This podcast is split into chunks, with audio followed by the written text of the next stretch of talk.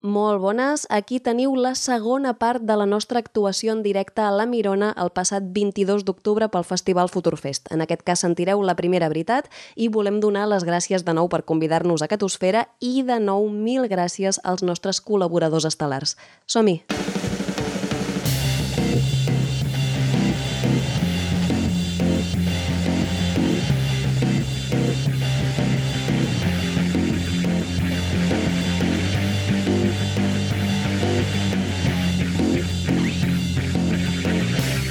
Verícid sulfúric.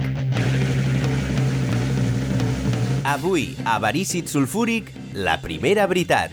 Sonoritzat per Marçal Garcia de Carnaby Studios. Escrit per Anna Ferrer Albertí, Vicent Ortega i Pau Pérez.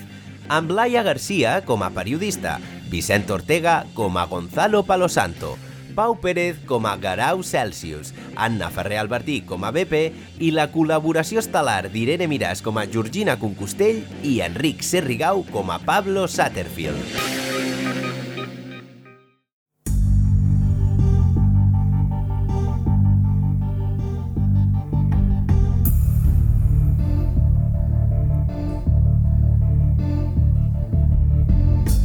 Windows Vista, Crispy Chicken, el papa Joan Pau II.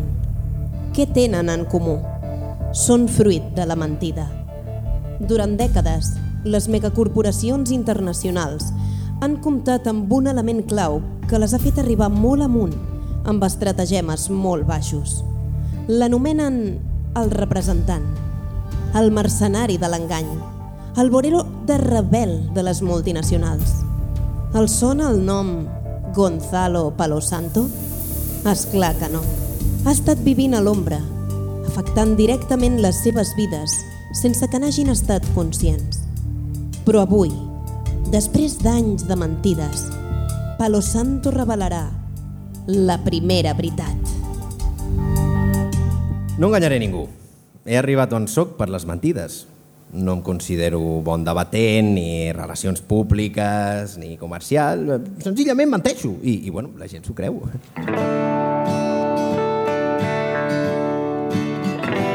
Gonzalo Palo Santo va néixer en una petita granja de la Corbella, un poblet pirinenc de menys de 1.000 habitants. Allà va passar tota la seva infància i adolescència.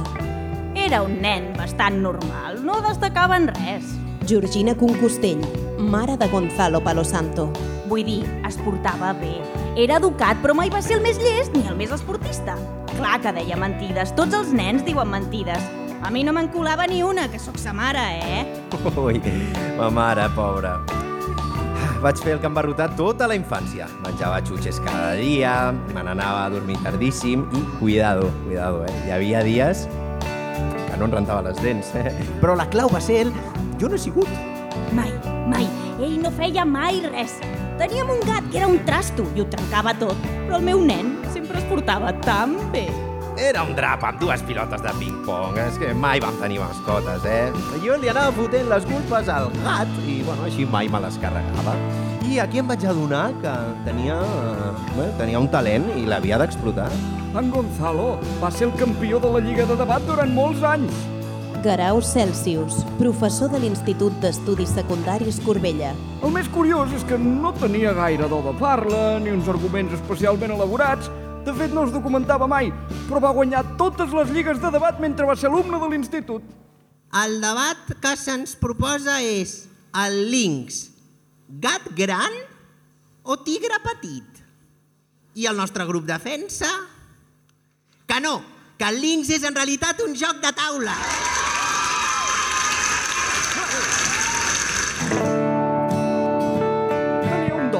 Que havia de compartir amb el món. Així que, quan es va graduar i li vaig fer l'orientació professional, li vaig dir Gonzalo, has de trobar una feina a l'alçada del teu talent. Pots arribar lluny, molt lluny, però has de marxar del poble, començar a picar pedra. No, no, no volia estudiar. A mi m'agradaven, a mi m'agraden les coses fàcils. Me'n vaig anar a la ciutat i vaig començar a treballar com a operador telefònic. Venia enciclopèdies, pobre fill. Tot el dia assegut en una oficina, parlant amb gent avorrida, encolomant-li porqueria. Jo li deia, no n'estàs fart? És que eh, m'ho compraven tot i se'm donava bé. Jo mai li vaig veure cap pega a aquella feina. De fet, gràcies a les enciclopèdies vaig conèixer en Pablo. Va ser la trucada de la meva vida. Així doncs, es quedarà l'enciclopèdia general, l'enciclopèdia mèdica, l'enciclopèdia jurídica i l'enciclopèdia francesa. S'ha deixat la, la gran enciclopèdia de les enciclopèdies, que és la que em fa més il·lusió. Ai, tant i tant, disculpi. Doncs serà un total de 475.000 de les actuals pessetes. És la millor compra que he fet a la meva vida. Podríem arrodonir a mig milió? Ha, mire, mire, fem una cosa. Arrodonim i li regalo un clauer. Ai, Només penjar el telèfon em vaig adonar del que acabava de passar. Pablo Satterfield, coordinador de vendes de Microsoft Windows. Jo, que m'he dedicat tota la vida a vendre fum, vaig caure al parany d'un venedor d'enciclopèdies. Jo, que treballo per Windows. Jo, que no sé llegir. M'havia gastat mig milió de peles en enciclopèdies. Aquell paio, fos qui fos, era exactament el que necessitàvem. Així que vaig tornar a trucar i el vaig contractar. I li vaig vendre una altra enciclopèdia. És la millor compra que he fet a la meva vida. Per aquella època, Windows encara començava, eh? No et pensis. Però, però sí, estaven fotuts i em van demanar ajuda. Va ser molt arriscat. Estàvem passant per una crisi terrible. Eh, Tothom ens acusava de plagiar Apple. El nou sistema operatiu feia aigües per tot arreu. Les vendes queien en picat. Cap relacions públiques s'atrevia amb el nostre cas. Contractar amb Gonzalo va ser un tir a la desesperada, però va sortir bé. Li vam encarregar la presentació del Windows 2.0. Senyores i senyors, tots deuen estar al cas de les acusacions a les quals ens enfrontem. Es diu que Windows és una mera còpia barata d'Apple. Els faré una pregunta. Han intentat mai encendre un Mac? I ho han aconseguit? És clar que no. Benvolguts assistents, potser els productes Apple són molt bonics, sí? Però no s'engeguen. Cap dels botons d'encesa funciona. Com a mostra, aquí tinc un Macintosh 2. El posaré aquí, l'obriré, premaré el botó. No passa res, eh? Quina vergonya! Quina vergonya! En canvi, agafem un IBM amb Windows 2.0 i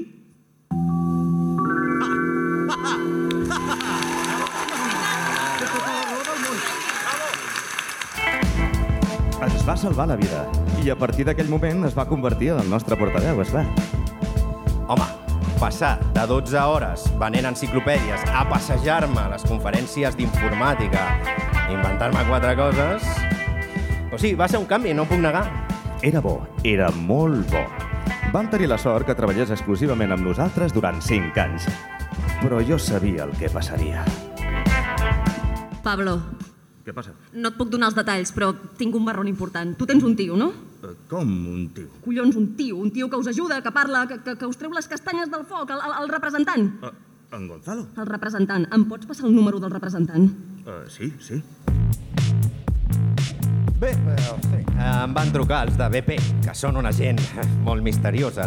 Estaven empantanegats del tot. Havien tingut un vessament de petroli a l'Antàrtic, una marea negra de 10 parells de collons... Pots imaginar. Total, que en Pablo els hi va passar el meu contacte.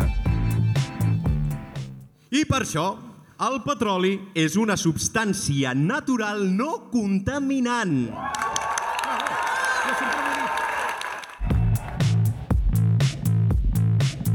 Sé que estàs pensant, quan et truquen d'una petrolera per encobrir un desastre ecològic, què respons? Com ho gestiones?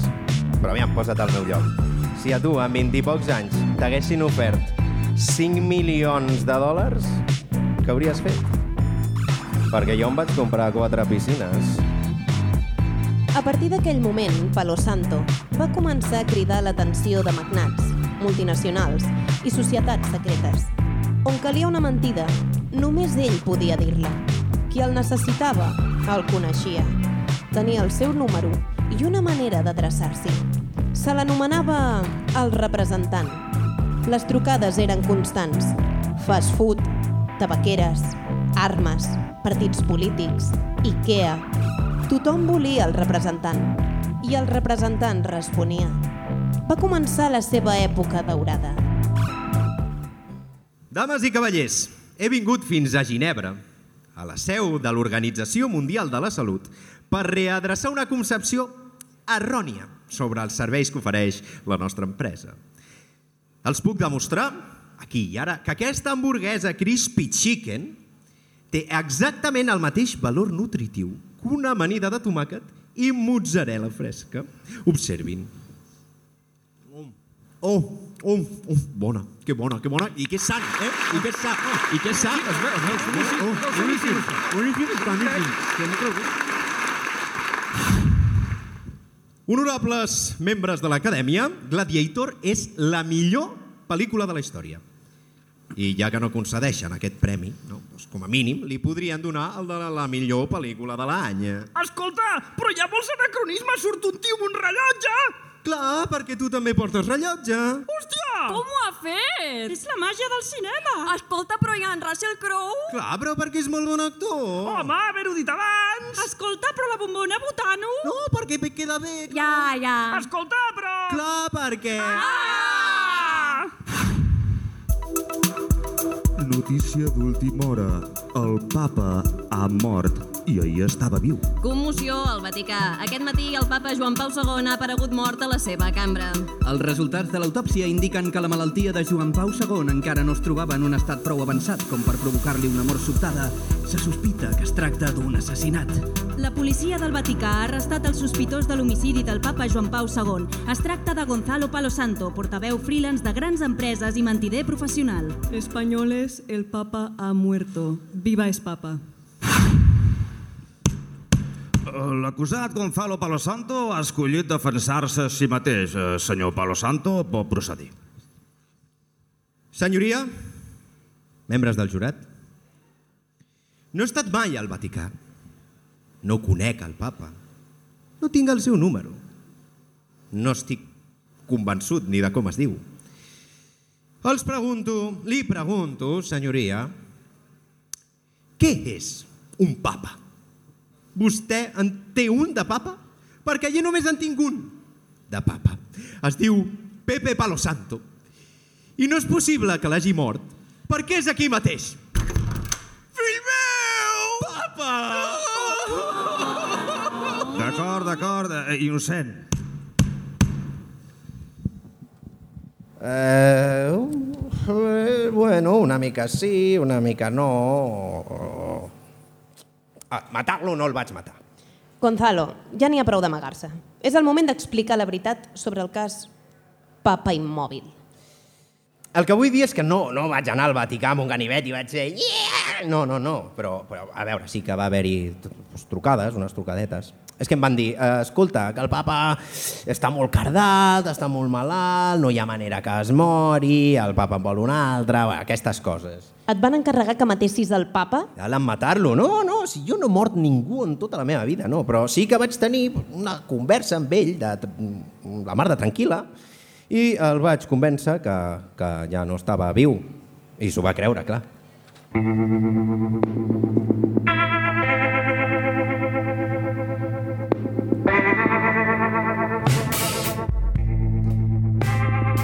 La sentència fos favorable pel representant, la seva reputació en va sortir greument perjudicada.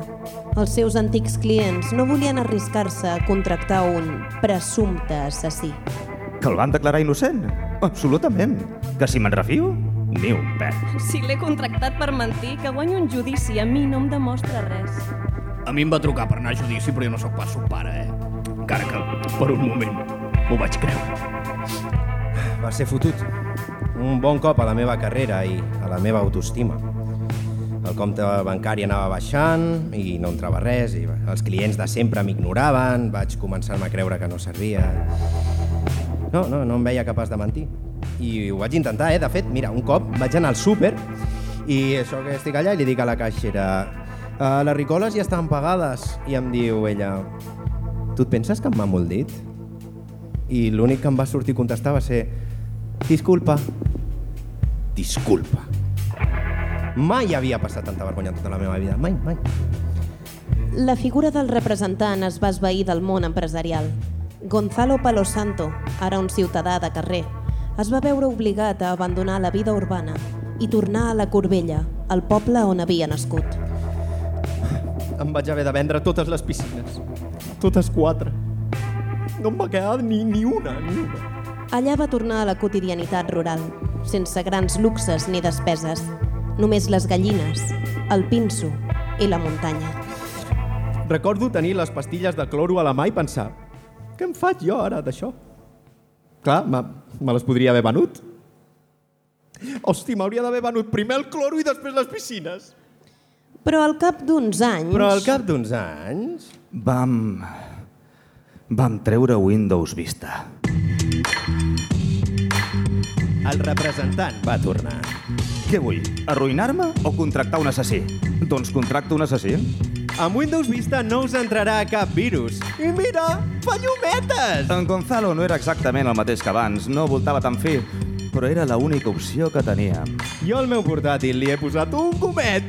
Pobre fill, a la Corbella havia desconnectat molt de la vida moderna, però el públic el rebia bé igual. Us heu fixat que no hi ha menjar blau?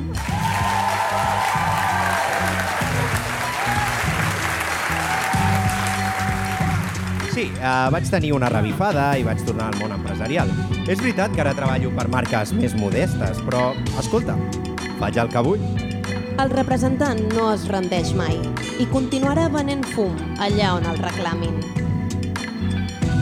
Big Naranja, esquive fino y el hijo ya te lo he dicho, ya me arriba. Gracias, gracias, gracias.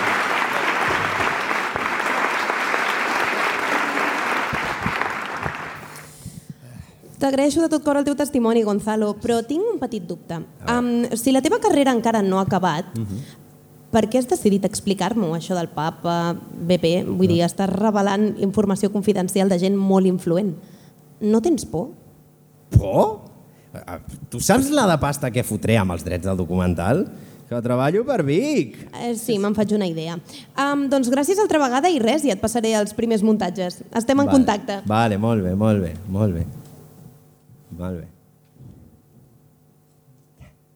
Eh, un, un moment. Un moment. Espera. Vine, vine, un, vine un moment. Vine, vine. És que, és que saps?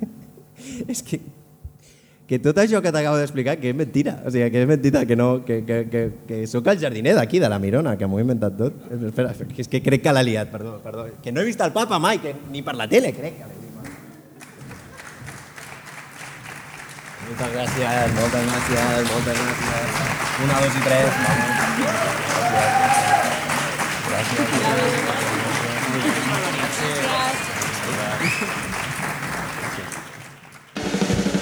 Gràcies per escoltar Verícid Sulfúric. Pots trobar totes les novetats a vericitsulfúric.com i Instagram i Twitter sota el nom Verícid Sulfúric.